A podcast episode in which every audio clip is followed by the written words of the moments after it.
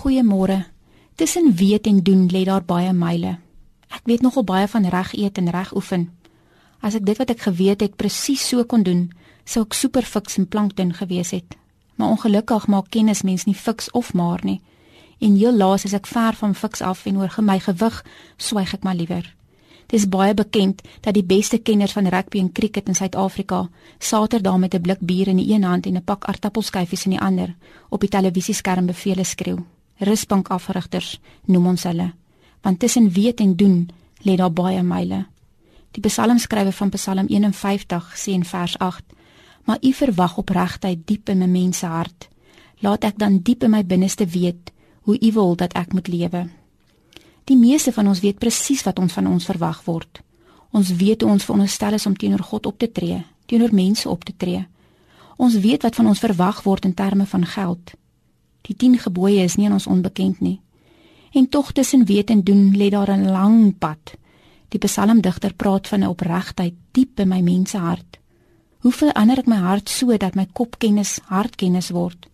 Hoe verander ek my hart sodat my lyf begin om te doen? want dit is baie duidelik dat as ek dit met my verstand weet, is dit nie noodwendig dat my hart en my lyf gaan volg nie. Die eerste gebod sê ek moet God lief hê met my hele hart en al my kennis en al my verstand. Die antieke Grieke het die mens opgedeel in liggaam, siel en gees. Ek dink dis baie dit vra baie oefening en om ons totaal en al aan God oor te gee.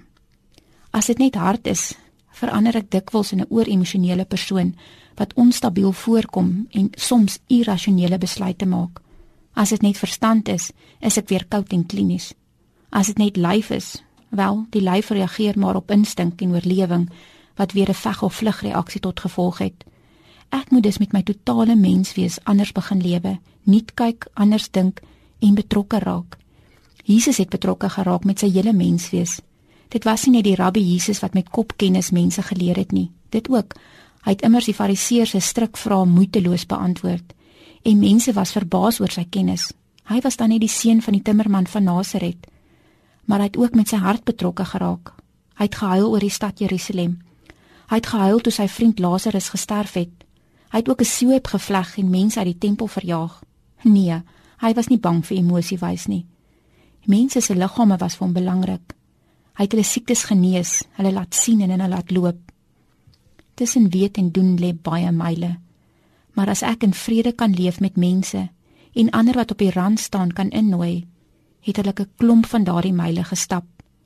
As my kennis van wie God is oorgaan in 'n lewe wat lyk soos die van Jesus van Nasaret, het my kop en my hart my lyf in beweging gebring. Here help my om diep in my mense hart te weet en te voel en volkome te lewe soos U. Amen.